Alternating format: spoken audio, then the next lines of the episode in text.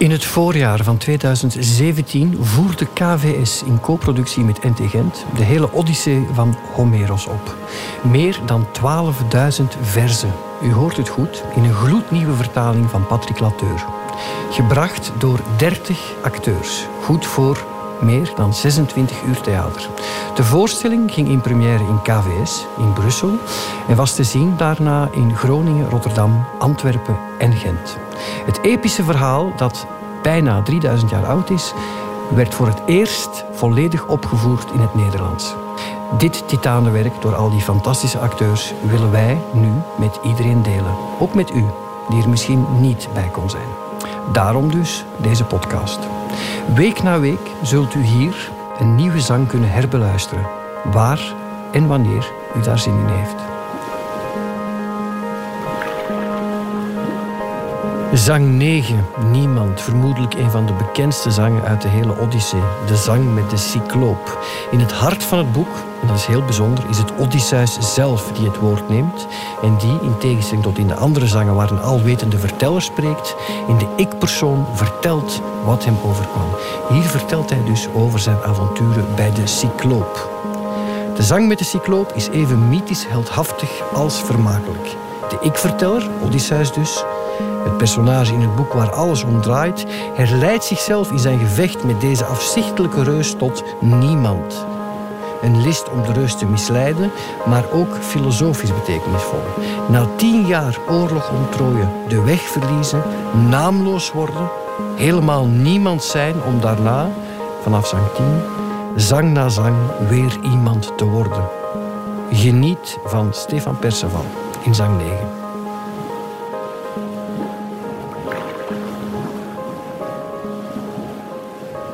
Odysseus de schrander gaf antwoord.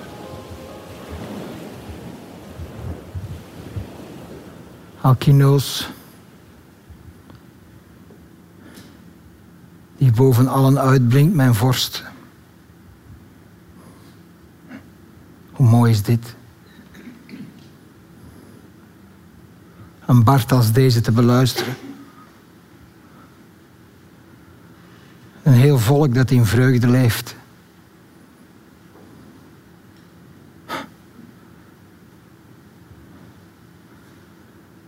Want ik beweer, niks is heerlijker dan een heel volk dat in vreugde leeft.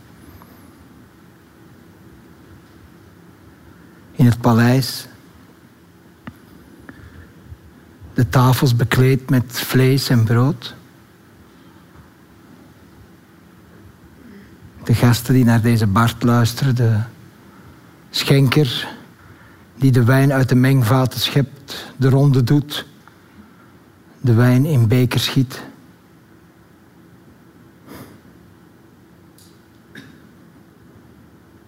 Het heerlijkste wat ik me kan indenken.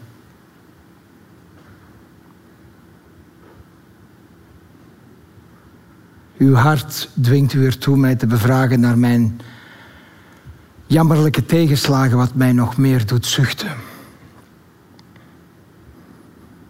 Want wat vertel ik u het eerst en wat het laatst?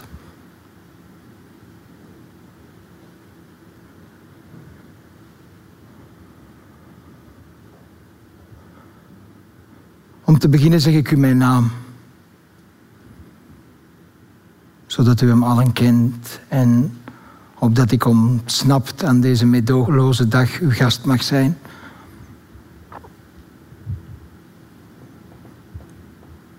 Ook al ben ik ver weg van huis.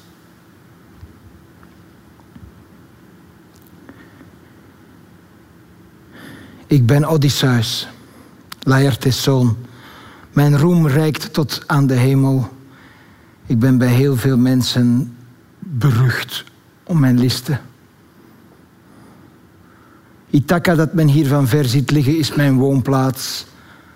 Daar rijst een berg top, de Neriton, omruist door bladertooi. Rond Ithaca liggen eilanden dicht bij elkaar.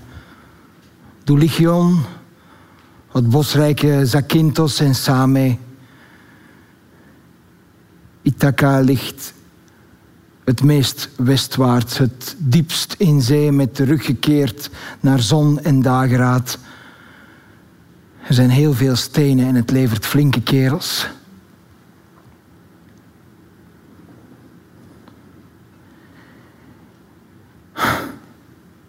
Ik kan me niks heerlijker voorstellen dan het eigen vaderland. Vaderland! Vaderland! Ik kan me niks heerlijker voorstellen dan het eigen vaderland. Daar ben ik thuis, daar ben ik thuis, hier in mijn eigen vaderland. Vaderland! Vaderland! Vaderland! Pak een schip en sloogt hem dood! Pak een schip en sloogt hem dood! Wel hield de eerbiedwaardige Calypso, de nimf, de, stralen, de stralende onder de godinnen, mij gevangen in haar gewelfde grotten. Zij wilde dat ik haar echtgenoot zou worden. Ook Kirke, Aya's listige bewoonster, hield me vast in haar paleis. Ook zij wilde dat ik haar echtgenoot zou worden. Maar geen van beiden wisten mijn hart te veroveren. Want niks is heerlijker dan het eigen vaderland. Ook al woont men ver weg in een paleis vol weelde. Ouders.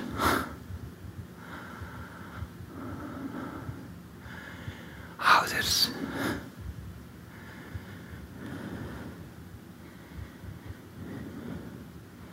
Ik mis mijn ouders.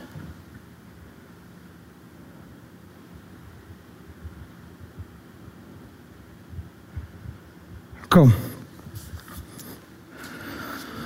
Laat mij nu vertellen over mijn rampzalige terugkeer die Zeus me gaf op mijn tocht naar Troje. Uit Troje droeg een wind me mee en bracht me in Ismaros bij het Kikonenvolk. Ik heb hun stad verwoest en ik heb hen gedood. En uit hun stad namen we de vrouwen mee. Prachtige schatten die we onderling verdeelden. Ja. Ik uh, gaf mijn mannen de raad om met snelle voet te vluchten, maar in grote dwaasheid gehoorzaamden zij niet. En zij dronken wijn op het strand en zij keelden schapen en koeien met waggelende gang en kromme horens. De kikonen gingen ondertussen hulp zoeken bij de buren, andere kikonen, meer in aantal.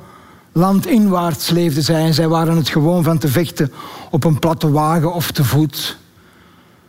Zij kwamen met evenveel als blad en bloem ontluiken in de lente. En toen was het dat het boze lot van Zeus ons kwam belagen en ons, ongelukkigen, daar heel veel ellende deed lijden. De slagordes gevormd, barstte de strijd los nabij de snelle schepen. En men trof elkander met brons beslagen speren. Zolang het morgen was, het heilige daglicht klom, hielden wij de bovenhand, ook al waren zij in de meerderheid. Maar toen de zon op haar terugkeer was, het ogenblik waarop men runderen pleegt uit te spannen, kregen de Kikonen de bovenhand. En versloegen zij de Achaiërs van elk schip sneuvelden er zes van mijn kameraden met een sterke borstplaats. De rest ontsnapte aan dood en verderf. En vandaar voeren wij verder, droef van hart, om het verlies van zoveel goede kameraden, maar blij omdat wij zelf de dood ontkwamen. Mijn schepen met de rode boeg liet ik niet afvaren, alvorens driemaal heel luid de namen van mijn mannen te hebben afgeroepen, gestorven in de bloedige slachting der Kikonen. Toen was het dat Zeus, omhuld in wolken, een ontzaglijke orkaan op ons afstuurde omhuld in land en zee en wolken. En uit de hemel viel, viel het duister. De zeilen van onze schepen werden in stukken gescheurd. Drie, vier stukken. We haalden de zeilen naar binnen uit angst hier aan ten onder te gaan. En we roeiden naar het land. En daar lagen we. Twee dagen en twee nachten aan pijn en vermoeidheid een prooi. Maar toen de dageraad met de gouden lokken onze derde dag deed gloren, richten wij de masten op, heesten de zeilen en namen plaats en wind en stuurlui gaven ons de juiste richting.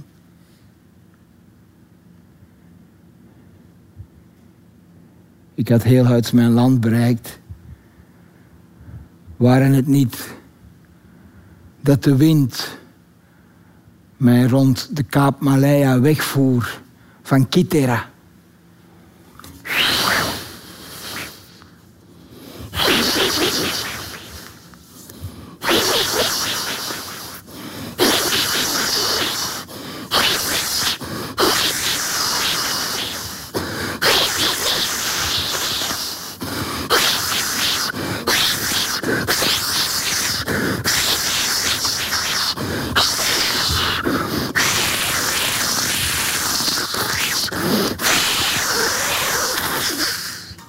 Vandaar werd ik wel negen dagen lang meegevoerd over een zee vol vissen door dodelijke winden.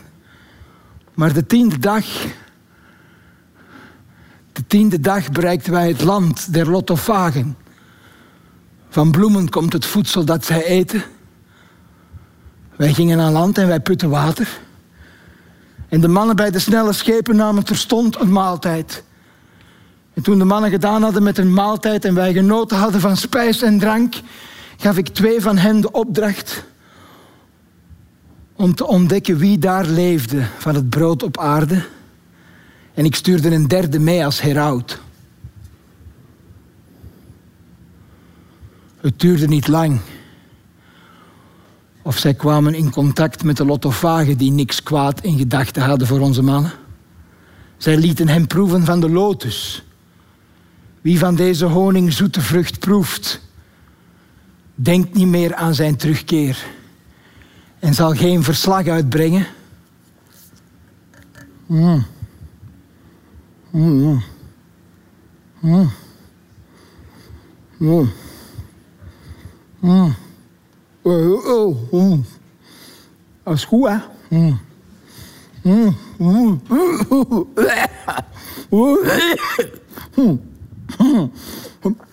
Oddy.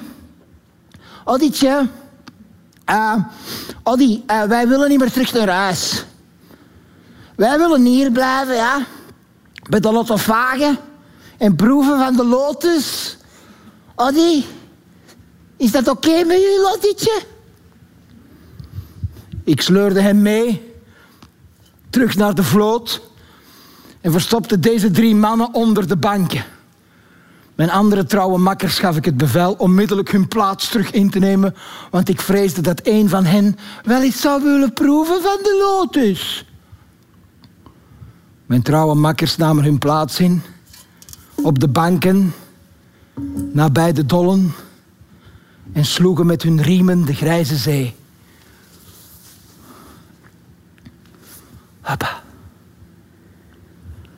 Vandaar voeren we verder droef van hart.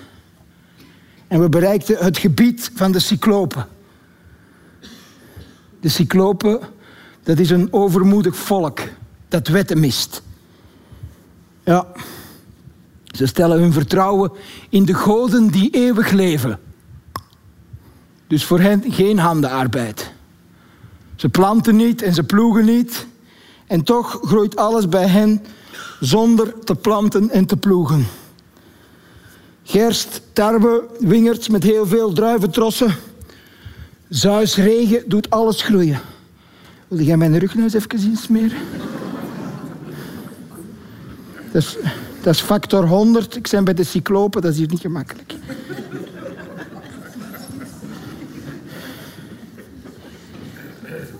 Ja.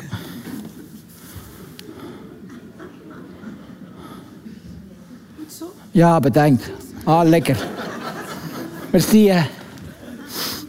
Ja. ja, voor die cyclopen geen wetten en geen regels. Ze houden geen raadsvergaderingen en ze huizen hoog in de toppen van de bergen. En ieder spreekt daar recht over zijn eigen vrouw en zijn eigen kroost. Goed geregeld, hè? En ze houden met elkaar helemaal geen rekening. En niet ver van het gebied van de cyclopen, maar ook niet vlak bij hen, strekt zich een gebied uit vlak op het water. En dat zit daar vol met wildigheid. Die zijn niet te tellen. En geen mens gaat daar aan land om de geiten uit elkaar te jagen.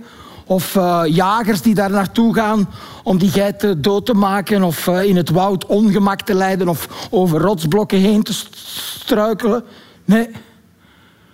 Geen kudde grazen er en er is geen bouwland. Maar onbezaaid en onbeploegd blijft het door mensen onbezocht. Het voedt natuurlijk wel de geiten hè, die daar lopen te grazen. Anders zouden er niet zoveel kunnen zijn. Hè. Eh, schepen met een rode boeg bezitten de cyclopen niet. Die schepen die zouden hen kunnen verder brengen naar, naar andere mensensteden. Op, hen begeleiden op hun tochten over de Zilte Zee. Want zo komen mensen dus met elkaar in contact. Door over de Zilte Zee te varen. Eh, de bouwers zouden de cyclopen ook kunnen helpen met het uh, bewerken van hun land.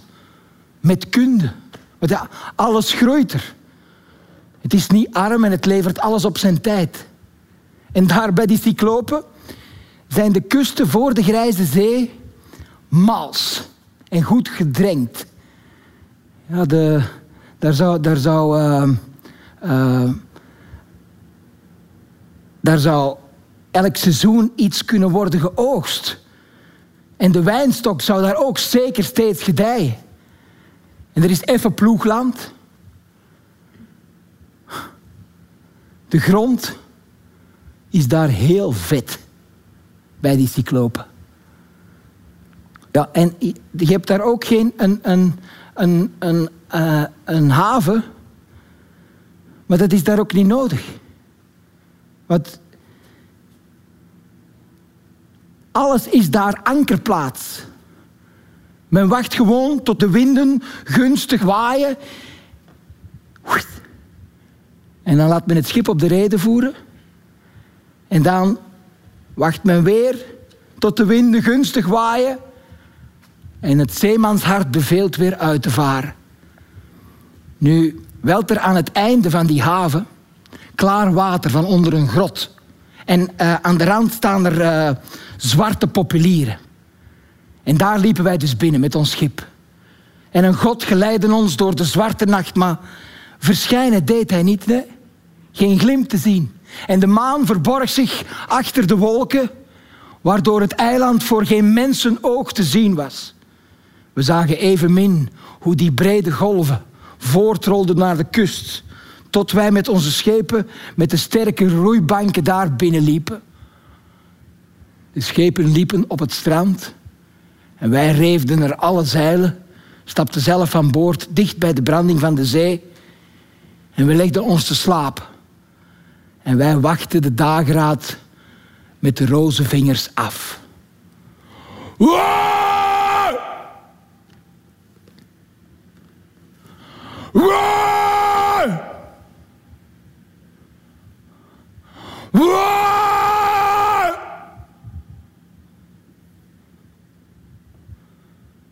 Zodra de dageraad met roze vingers vroeg in de morgen oprees, liepen wij verwonderd rond over het hele eiland. En daar joegen nymfen, dokters van de, de god die met de Aegis zwaait, de geiten op om eten te verschaffen voor onze mannen. Uit onze schepen namen wij terstond de jachtsprieten en de kromme bogen.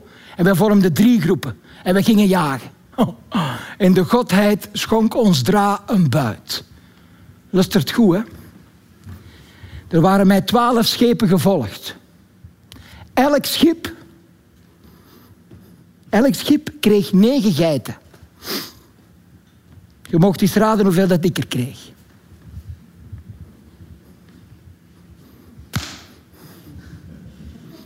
Iemand? Ik kreeg er tien. Ja, ik kreeg er tien. En zo zaten wij daar de hele verdere dag de maaltijd te gebruiken en wij aten vlees. Heel veel vlees en zoete wijn. Totdat de zon verdween. En die wijn uit onze schepen die was nog lang niet op. Nee, nee, nee. Er was nog heel veel overschot. Want elke scheepsbemanning had uh, veel wijn in kruiken met twee oren meegevoerd toen wij de heilige stad van de Kikonen innamen. En wij keken naar het land van de Cyclopen, dicht bij ons gelegen. En wij zagen rook en wij hoorden luide stemmen en ook het geblaat van schapen en geiten. En de zon ging onder en de schemer viel. En wij, wij sliepen bij de branding van de zee. De dageraad met de roze vingers rees vroeg in de morgen op. En ik riep mijn mannen bijeen en sprak hen allen toe als volgt. Mijn trouwe makkers, blijf nu allen hier. Ik ga met mijn gezellen en mijn schip zien wat voor soort volk hier leeft. Zijn het geweldenaars en wilden zonder rechtsgevoel? Ofwel gastvrije mensen met ontzag voor de goden? Na deze woorden sprong ik zelf aan boord en gaf opdracht aan mijn mannen mij te volgen en achteraan de kabels los te maken. En de mannen die sprongen snel aan boord, namen hun plaats in op de banken nabij de dollen en sloegen met hun riemen de grijze zee. En toen wij de dichtgelegen plek bereikten, was op een uitsprong, niet ver van de zee, een hoge grot te zien, die met laurier was overgroeid. Het was een, een schuilplaats voor uh, schapen en geiten. En, en s'nachts werd er waarschijnlijk ook veel kleinvee in opgesloten. En rondom was er een hooggelegen hof gebouwd, met stenen die diep in de grond waren bevestigd. En omringd met, met grote, grote bomen, uh, hooggerezen eikelover. En daar, in die grot, bracht een monsterlijke vent alleen de nacht door. Zijn schapen hoede hij altijd alleen, ver afgezonderd. Bij de anderen kwam hij niet. Hij leefde daar, apart, en hij stoorde zich niet aan de wet. Het was een, een, een wonderlijk, reusachtig wezen. Hij geleek niet op een mens die leeft van brood, maar op een top hoog in beboste bergen die eenzaam zich verheft van al de rest. Mijn andere trouwe kameraden vroeg ik te blijven en ons schip daar te bewaken. En ik koos mij de twaalf beste mannen uit en ik ging. Ik nam een geitenleren zak mee, gevuld met uh, heerlijke wijn. Ja, die wijn had ik van uh, Maron gekregen. Dus Maron, dat is de priester van Apollo. Ja, dat is de god die Ismaros beschermt. En daarvan had ik dus die wijn gekregen. Euanthes zoon had me die wijn geschonken. Want uh, hem hadden wij met zijn vrouw en zijn kind gespaard uit eerbied voor het heilige bos dat hij bewoonde. En hij bood mij prachtige geschenken aan. Hè. Um, uh, zeven talenten goud, waar niks mis mee was. En dan nog eens twaalf kruiken met twee oren, alle vol zoete, onvermengde wijn. Dat was echt een goddelijke drank. Van deze wijn wist niemand iets af. Niemand, hè? Van, zijn slavinnen, van die Euanthes. Hè? Zijn slavinnen wisten daar niks van af. En zijn, in zijn dienaren wisten daar niks van af. Alleen hijzelf, zijn vrouw en één huishoudster. Wie is de mol? en zodra zij van die honingzoete drank gedronken hadden, vulde hij, als ze daar dus van wilden drinken, vulde hij dus één beker met die wijn en hij goot daar dan twaalf maten water op. En de geur die dan uit dat mengvat steeg, dat was, dat was goddelijk. Op zo'n ogenblik kon men zich echt niet afzijdig houden. Hè? Oh. Ik had daar dus mee een grote leren zak gevuld. En ik had hem bij me in een knapzak. En ook proviant. En mijn moedig hart zei me dat ik terstond een kerel zou ontmoeten, bekleed met grote kracht. Een wilde man, die zich om recht en wetten helemaal niet bekommert.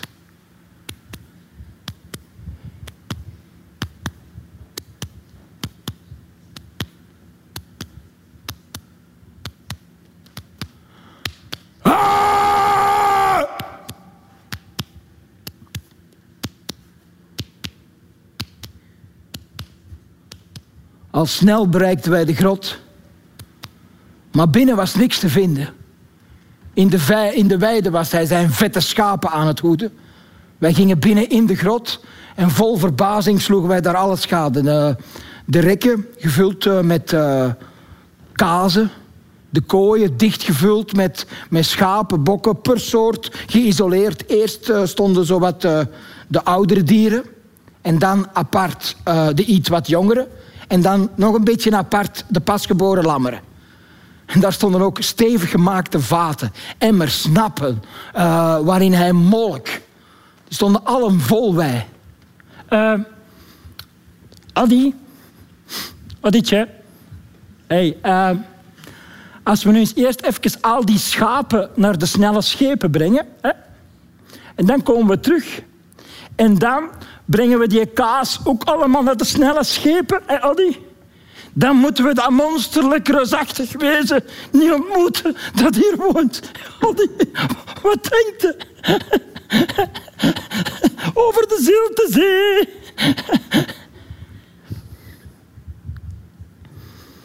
Ik gaf hun geen gehoor.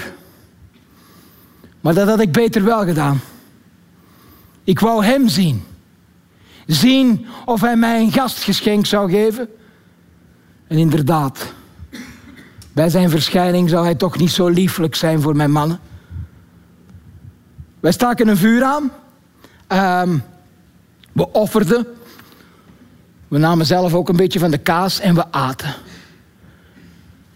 En we zaten daar in de grot en we wachten op hem. Totdat hij met zijn kudde kwam.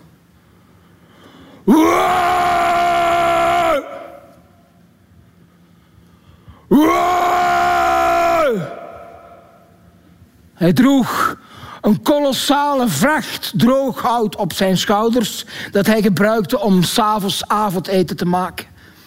Hij gooide het hout met één grote slag in de grot en wij, wij vluchtten naar het uiteinde van de grot. En wij stonden daar. Het vette vee dreef hij het wijde hol in. Ja, de ooien die hij allemaal had gemolken, maar buiten in de hof liet hij de, de mannetjes, de rammen en de bokken. En toen, toen hief hij een heel grote deursteen op, iets kolossaal, en hij sloot de toegang af. Bam. Die een deursteen, dat konden 22 wagens met vier wielen niet meer verplaatsen. Daar zaten wij. Zo'n torenhoge steen voor de ingang. Hij, hij zette zich en alles naar behoren molk hij zijn ooien, zijn mekker in de geiten en hij stopte onder elke moer haar jong. En toen liet hij voor de helft de blanke melk stremmen en die bracht hij dan samen in gevlochten korven en zette haar dan als voorraad weg. En de andere helft gebruikte hij om te drinken bij zijn avondeten. Hij was nogal zot van melk. En toen hij zijn werk vol ijver had verricht, stak hij een vuur aan en zag hij ons. Wel, vreemdelingen,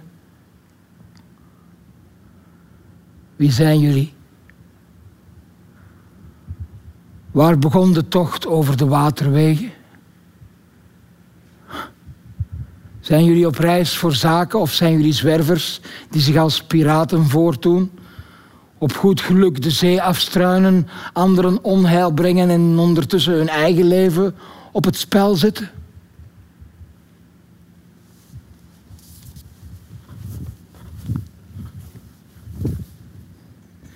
Zo sprak hij. En van binnen brak mijn hart. Een reus met zo'n diepe stem.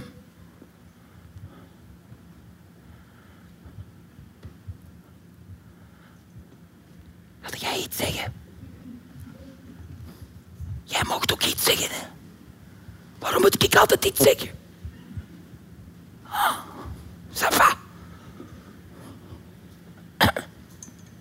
Oh, hallo?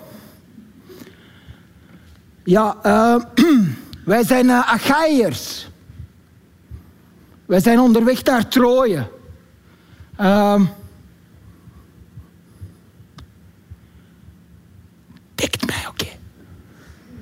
Ehm, okay. Eh, wij zijn uit de koers geraakt door eh, allerhande winden. Ehm, over de grote afgrond van de zee. Wij verlangen naar huis, langs vreemde wegen, langs vreemde routes. Maar wellicht is dit de wil van Zeus geweest en zijn besluit. wij kunnen ons beroemen dat wij ehm, het krijgsvolk zijn van Agamemnon. Atreus zoon, weet je wel? De meest beroemde in het ondermaanse. Ja, zo machtig was de stad die hij verwoestte. Zo talrijk ook de krijgers die hij doodde.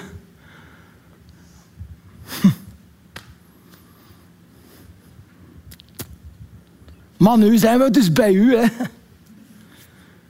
En wij vatten uw knieën en smeken u ons gastvrij te ontvangen of iets te geven wat aan gasten toekomt. Mijn beste, hebt nu ontzag voor de goden. Wij zijn uw smekelingen. En Zeus beschermt de smekelingen en de vreemdelingen. De God van de gastvrijheid volgt het voetspoor van vreemdelingen die eerbied verdienen. Zeg dat maar eens na. De God van de gastvrijheid volgt het voetspoor van vreemdelingen die eerbied verdienen. Kom maar. De God van de gastvrijheid volgt het voetspoor van vreemdelingen die eerbied verdienen. Dan moet u lippen op en neer doen. Dan. De God, nog eens, oké. De God van de gastvrijheid volgt het voetspoor van vreemdelingen die eerbied verdienen. Dat kan luider. De God van de gastvrijheid volgt het voetspoor van vreemdelingen die eerbied verdienen. Waar is hem dan? Waar is hem?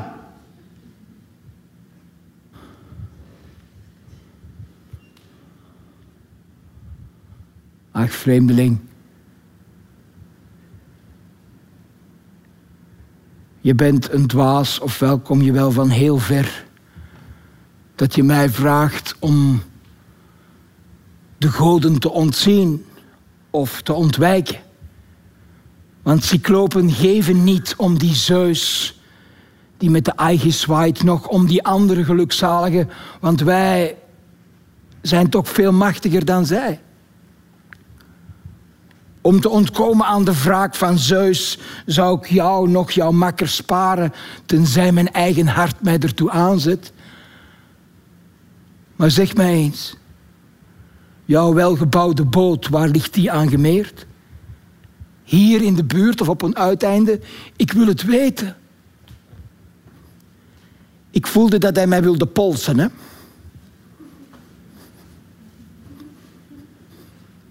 Maar uh, ik gaf een heel listig antwoord.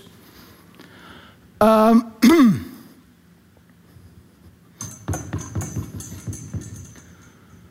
de aardschudder Poseidon uh, heeft mijn schip verbrijzeld. Ja. In een uithoek van uw land dreef hij tegen de rotsen ja, het was dicht een kaap genaderd en toen was er ineens de wind. En die joeg het voort tegen de rotsen. Aan een vreselijke dood ben ik hier met mijn makkers ontsnapt. En mannen? En ditmaal antwoordde hij niet. Maar hij nam twee van mijn makkers en sloeg ze tegen elkaar als jonge hondjes. Pam! En hij bereidde hen als zijn avondmaal. Hij frat alles. Vlees en haar en ingewanden. Hij frat gelijk een leeuw die in het bergland leeft. Hij liet niks liggen. Merg en been en wij, wij, wij heften onze armen ten hemel en wij bidden tot Zeus. Ons hart werd door een hulpeloos gevoel ontvangen.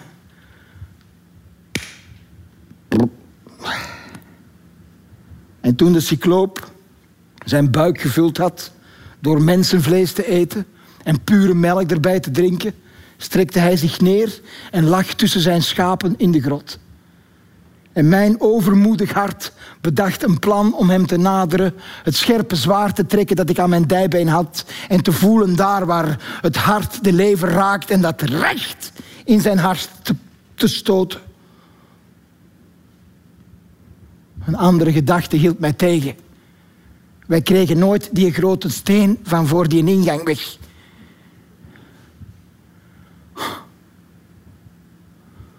En zo wachten wij daar, onder diepe zuchten, de komst van de goddelijke eos. En zodra de dageraad met de roze vingers vroeg in de morgen oprees, stak, stak hij opnieuw een vuur aan, molk hij zijn mooie schapen en hij deed dat weer allemaal naar behoren. Hè. Het was een propere. En hij stopte onder elke moer haar jong. Toen hij zijn werk vol ijver had verricht, nam hij nog eens twee mannen en hij maakte hen klaar voor zijn ontbijt. En nadat de reus gegeten had, nam hij de grote deursteen zonder moeite weg en dreef zijn vette schapen uit de grot. De zware deursteen plaatste hij terug als zette hij een deksel bovenop een koker.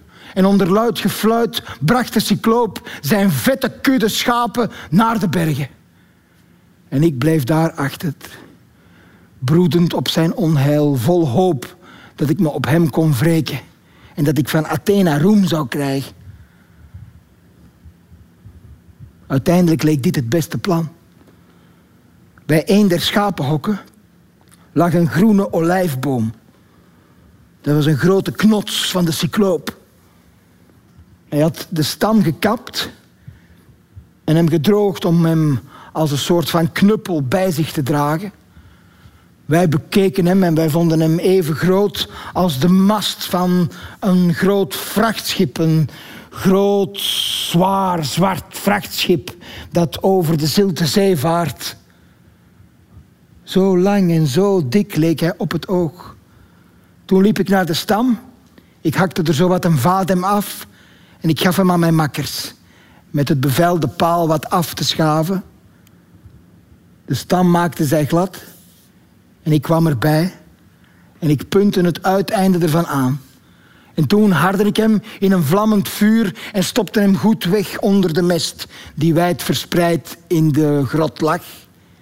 De andere verzocht ik het lot te doen beslissen wie met mij stoutmoedig het zou wagen deze paal in zijn oog te duwen terwijl de zoete slaap hem overviel. Het lot wees hen aan die ik zelf had gekozen. Ik was de vijfde man. En de avond viel en de hoeder kwam terug met heel zijn kudde met de mooie wol. En zijn vette schapen dreef hij dadelijk de ruime grot in. En niet één liet hij er buiten achter in de diepe hof. Niet één. Ook de rammen en de bokken, alles kwam binnen. Had hij een voorgevoel of gaf een God het hem zo in? En de grote deursteen hief hij op en sloot daarmee toen de toegang af.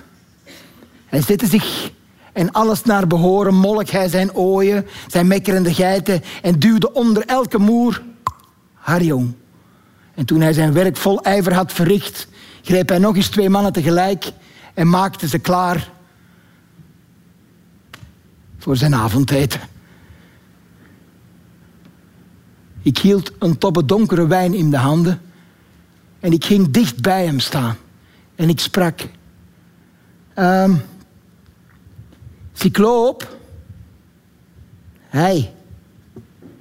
Uh, Cycloop, uh, u, hebt nu, uh, u hebt nu mensenvlees gegeten, hè?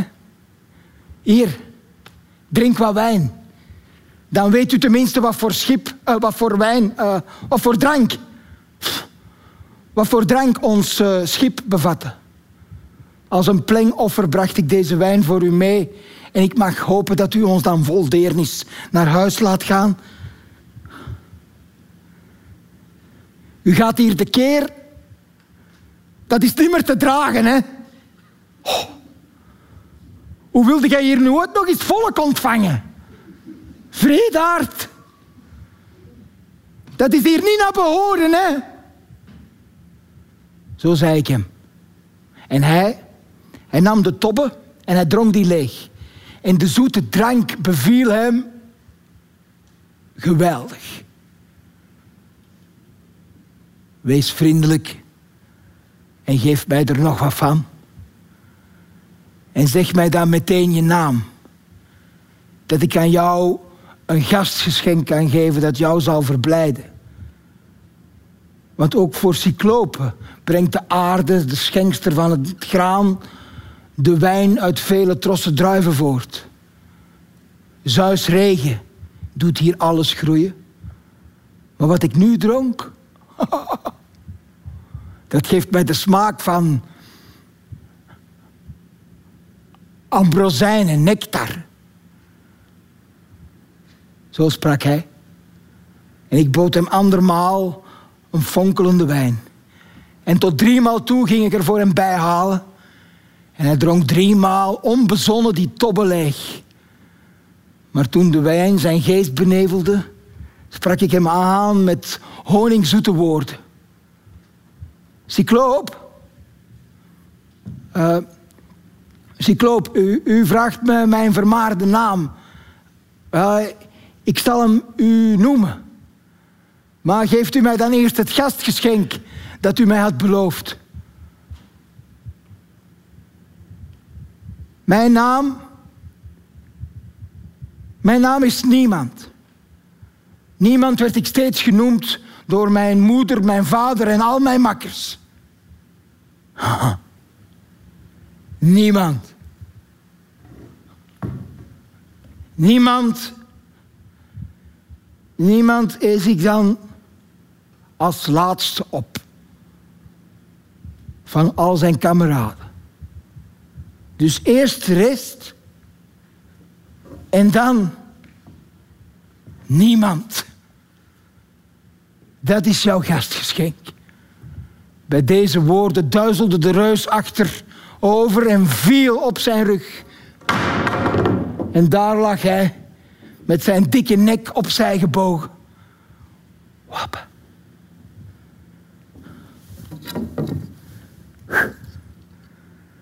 Hij sliep een overweldigende slaap die, die alles bedwingen kan. En uit zijn keel gutst brokken vlees en, en, wijn, vermengd met, met, met resten mens. Hij lag te braken in zijn eigen dronken slaap. En ik stak de paal toen in een dikke aslaag totdat hij heet werd. En ik spoorde al mijn makkers aan dat niet één zich nu uit vrees terugtrok. Al was het hout van de olijf nog groen, de paal was hevig aan het gloeien. En haast begon hij vlam te vatten. En ik trok hem uit het vuur en bracht hem dichterbij. Mijn makkers vatten nu aan weerszijde post. En veel moed had een godheid hen nu geschonken. Toen namen zij de paal met de scherpe punt en staken die vlak in zijn oog. En ik gaf van boven druk en draaide hem zo rond, zoals een man die met een boor een scheepsbalk doorboort. Terwijl beneden de knechten de boor van onder met een riem doen draaien, waaraan ze blijven trekken aan twee kanten. Ah! De boor draait zo onafgebroken door. Zo pakten wij de paal met de hete spits en boorden die in het cyclopen oog. Het bloed stroomde rondom de warme paal. Oog liet hem brouw verzengde en de pupil stond in brand. De wortel siste in het vuur, zoals een smid een grote bijl of dissel wil harden en hem in koud water doop. Ah, geweldig dat gesis, want juist zoiets geeft aan het ijzer kracht en duurzaamheid. En zo, zo siste ook zijn oog rond de olijfstam. Hij huilde luid en vreselijk. De rotswand weer galmde in het rond. En wij, wij...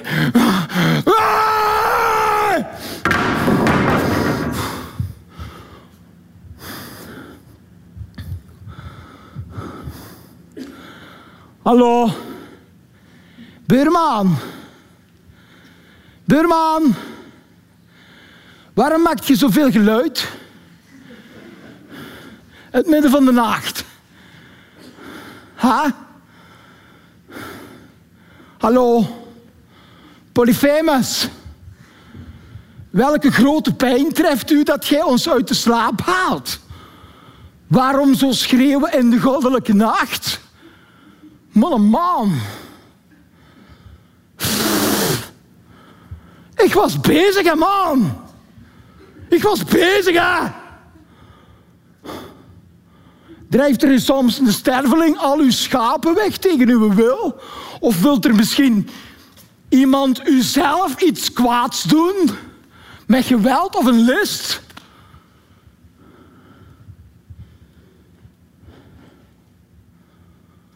Kameraden,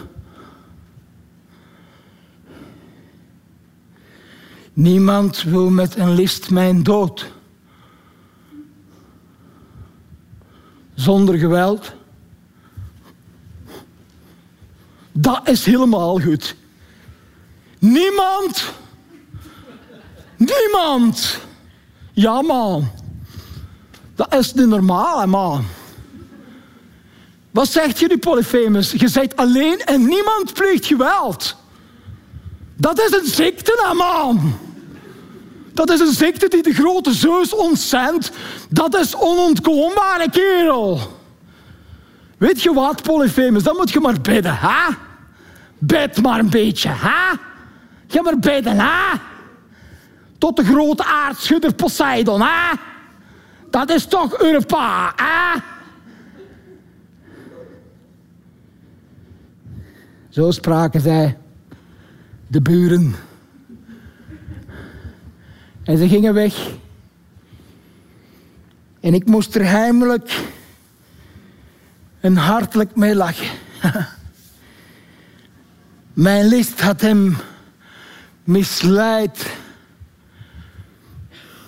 En mijn naam, mijn naam werkte uitstekend.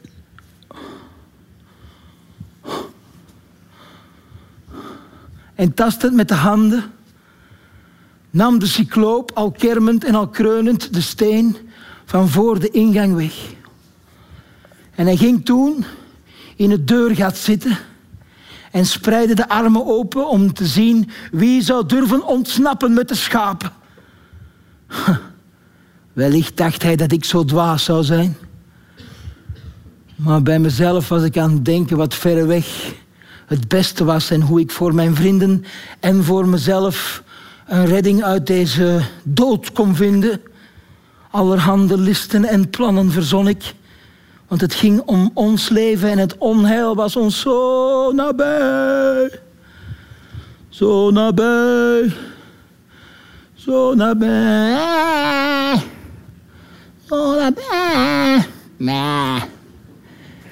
Zo nabij. Nee. Nee. Nee. Nee. Uiteindelijk leek dit het beste plan. De rammen waren goed doorvoed en dik. Hun vacht was prachtig. Het waren mooie grote dieren met een violette wol. Nee. Ik nam er drie en ik bond hen tezamen met de sterk gevlochten twijgen waarop hij, het monster dat geen wetten kende, sliep. De middelste droeg telkenmaal een man. En de andere twee beveiligden mijn makkers door mee te lopen aan beide kanten. Eén man werd dus gedragen door. Wat zeg je? drie schapen, ja.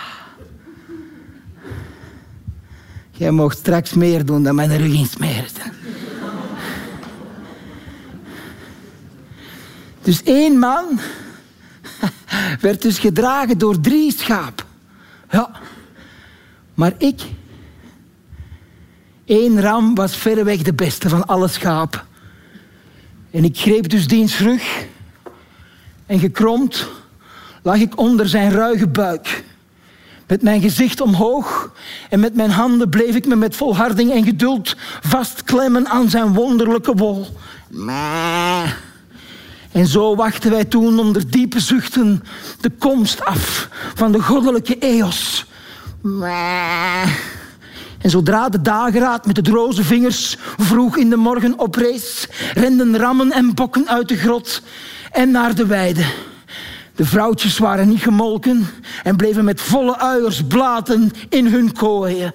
Maar Hun meester, die door zware pijn gekweld werd, betastte alle ruggen van de rammen toen zij rechtop voor hem kwamen te staan.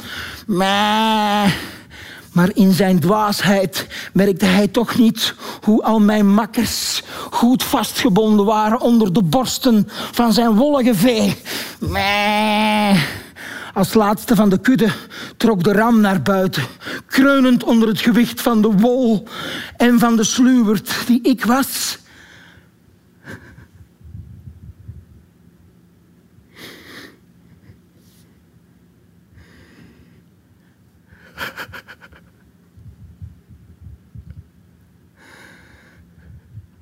Mijn lieve ram.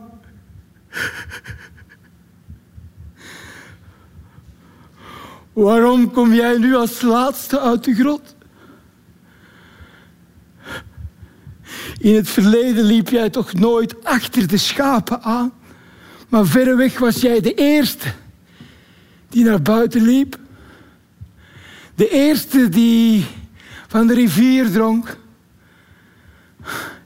De eerste die van blad en grasbodem proefde. De eerste. En s'avonds was jij ook de eerste, mijn lieve Ram.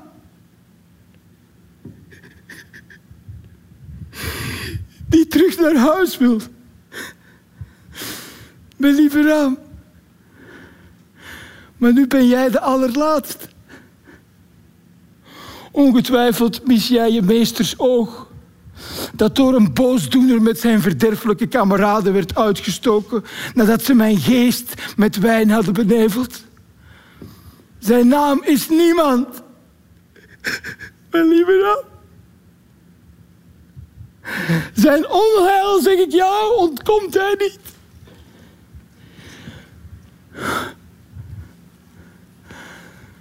Kon jij maar denken en spreken zoals ik, om mij te zeggen waar hij zich voor mijn woede schuilhoudt.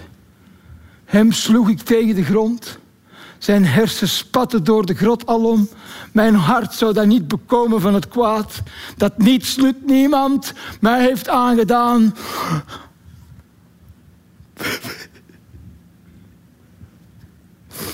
Mijn lieve Ram.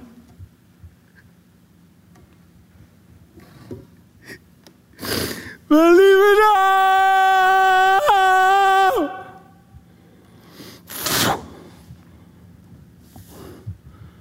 En hij duwde de ram van zich weg. Ver weg van zich weg. En toen wij een eind verwijderd waren van Spelonk en Hof, liet ik de ram als eerste los en maakte ik ook mijn makkers vrij. En snel dreven wij de schapen met hun dunne poten, vet en goed doorvoed, langs de vele omwegen vooruit, totdat wij bij de schepen waren. Wij, die ontkomen waren aan de dood, waren bij onze goede makkers welkom. Maar om de andere week klaagden ze. Hé! Hey!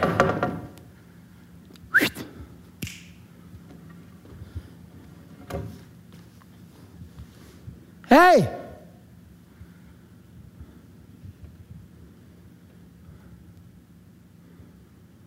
Dat weeklagen liet ik niet toe. En ik gaf hem dan ook teken met mijn wenkbrauwen daar onmiddellijk mee te stoppen.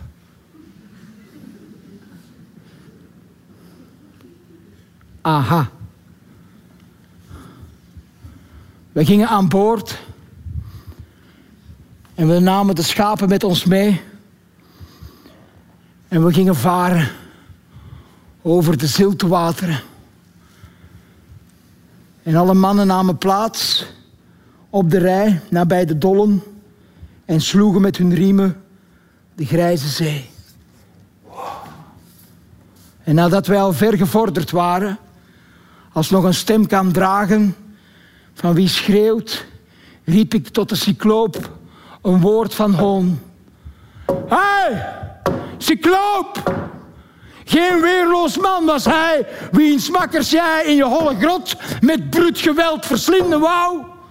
Ja, zeker. Op jouw kop moesten al jouw wandaden terechtkomen. Jij schroomde niet je gasten op te eten in je eigen huis. En daarom, Daarom nam Zeus wraak op jou. En daarop werd hij in zijn hart nog woester. En van een hoge berg brak hij de top af en wierp hem weg. En deze bergtop kwam vlak voor de voorsteven van ons schip neer. Het roer was aan zijn punt bijna geraakt. En hoog rees het water toen het rotsblok viel. Maar ruisend sloeg een golf terug. Een vloed uit de zee. En het dreef ons schip terstond weer landinwaarts. En het dwong ons vrijwel te landen op de kust. Mijn handen grepen naar een lange vaartboom en ik duwde het schip langs zij mij af. Door heftig met het hoofd te knikken, gaf ik met aandrang opdracht aan mijn kameraden zich allen op de roeiriemen te werpen, zodat wij konden ontsnappen aan het onheil. Zij bogen zich voorover en ze roeiden weg. We vorderden op zee, tweemaal zo ver als eerst. En toen riep ik naar de cycloop. Ik riep. Adi. Adi. Schiet er eens mee uit, jong. Hey. Waarom, waarom wilde jij zo'n woest wezen tergen, hè? Ja, heb je dat gezien, jongen? Die wierp juist een, een rots in de zee en dat dreef ons schip weer naar de kust, hè? Ja, ik dacht echt even dat wij ter plekke gingen omkomen, hè? Ja, uh, had hij nog één iemand zijn stem horen verheffen, dan had hem waarschijnlijk een sterp, scherp stuk rots de balken van ons schip verbrijzeld en onze hoofden ook, hè, Oddy? Ja, en jij wel een hele goede werp. Nee, nee. De woorden van mijn mannen overtuigden mij niet. En ik riep weer.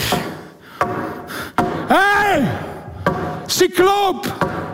Als iemand van de stervelingen jou vraagt waar dat afzichtelijk blind oog vandaan komt, zeg hem dan dat je blind bent gemaakt door Odysseus, verwoester van de steden, Laertes zoon, die woont op Ithaca.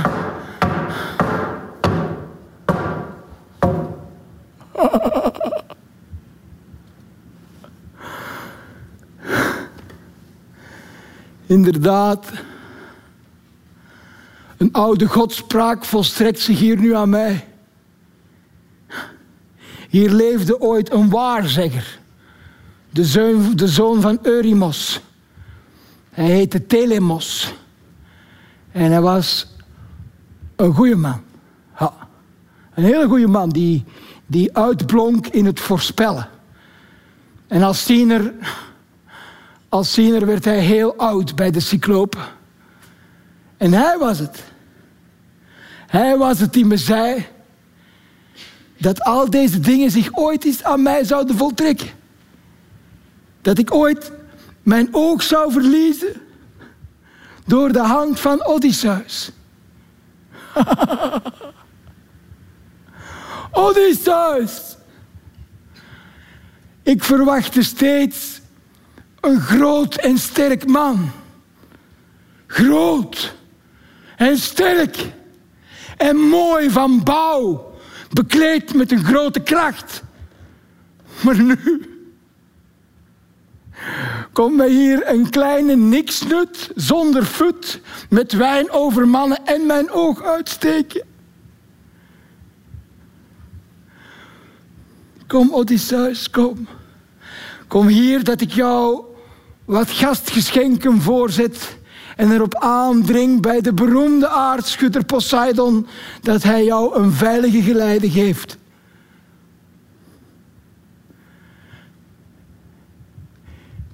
Odysseus.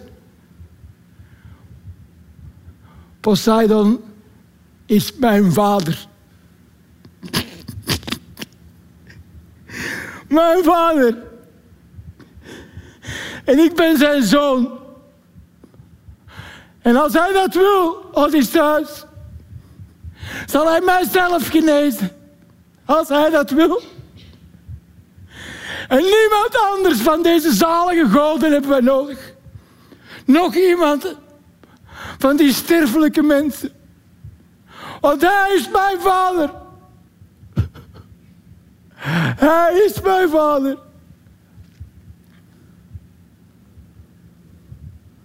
Hij! Cycloop! Kon ik jou maar met je levensadem naar de Hades zenden? Ja. Even zeker als de aardschutter Poseidon jouw gezicht niet zal genezen. Niet! Hoorde mij! Niet! Pak een schub en slaagt hem dood! Pak een schub en slaagt hem dood!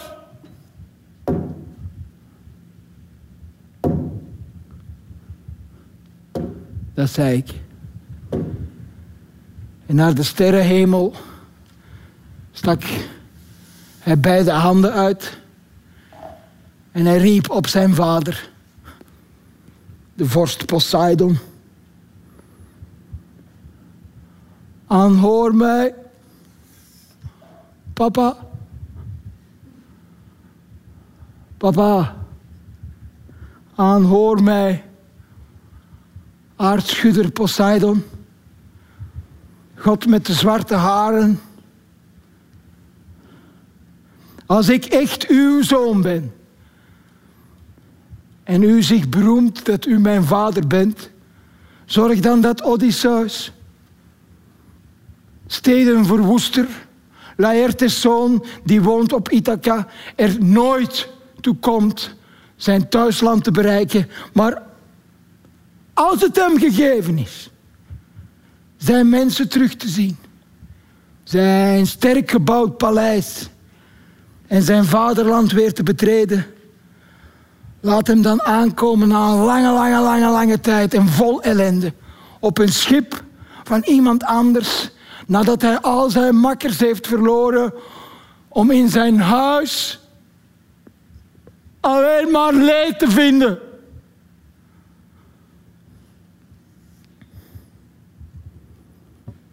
Zo sprak hij. En de god met de zwarte haren aanhoorde hem. En Polyphemus, Polyphemus hief opnieuw een steenblok op, veel groter nog. En hij gooide hem met een enorme kracht vlak voor de voorstevens van onze schip. En het roer was bijna aan zijn punt geraakt. En hoog rees het water toen het rotsblok viel. En de golven stuwden nu ons schip vooruit en dwongen het te landen op de kust.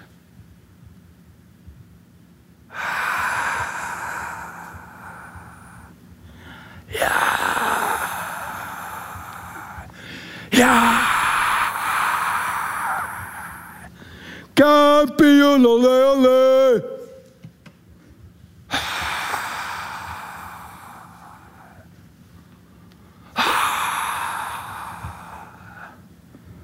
En wij kwamen daar aan op het eiland.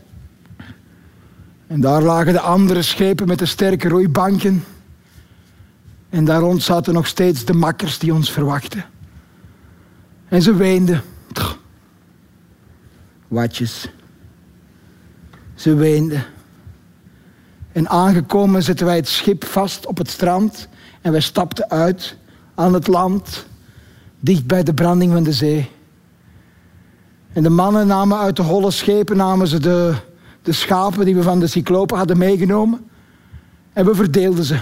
Ja, dat wilde ik zo.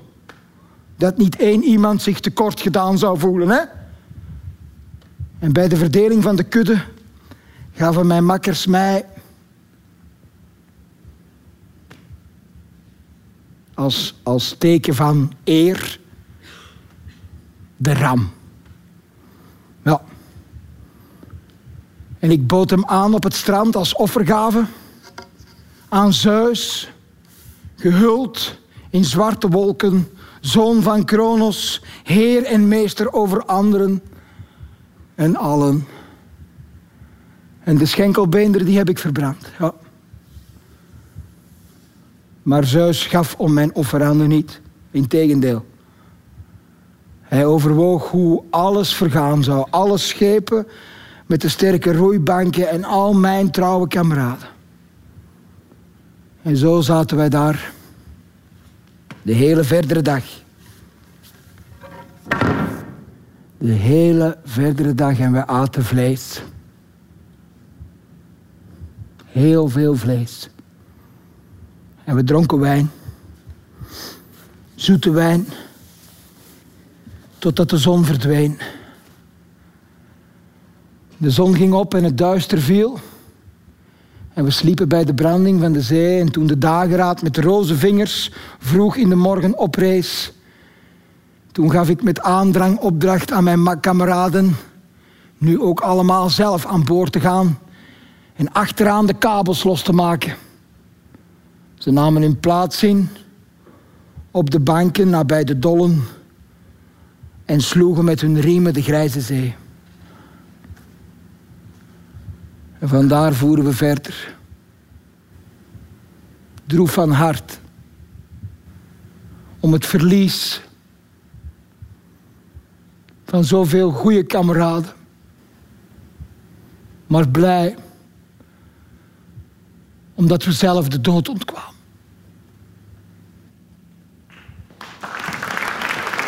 Deze podcast is een samenwerking van KVS, Radio 1, uitgeverij Atheneum Pollak en Van Gennep en vertaler Patrick Lateur.